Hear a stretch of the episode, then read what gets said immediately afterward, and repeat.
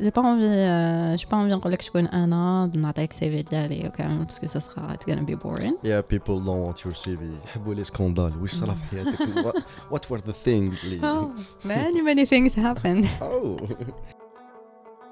Fatma Zahra Qazouit, c'est euh, un mix de, de feeling, déjà, euh, de situation jazzwaliha, de- d'expérience et euh, surtout d'émotion.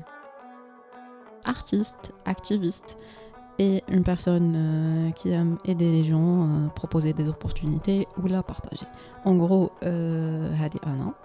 Et les détails, je pense qu'on va en parler pendant le podcast.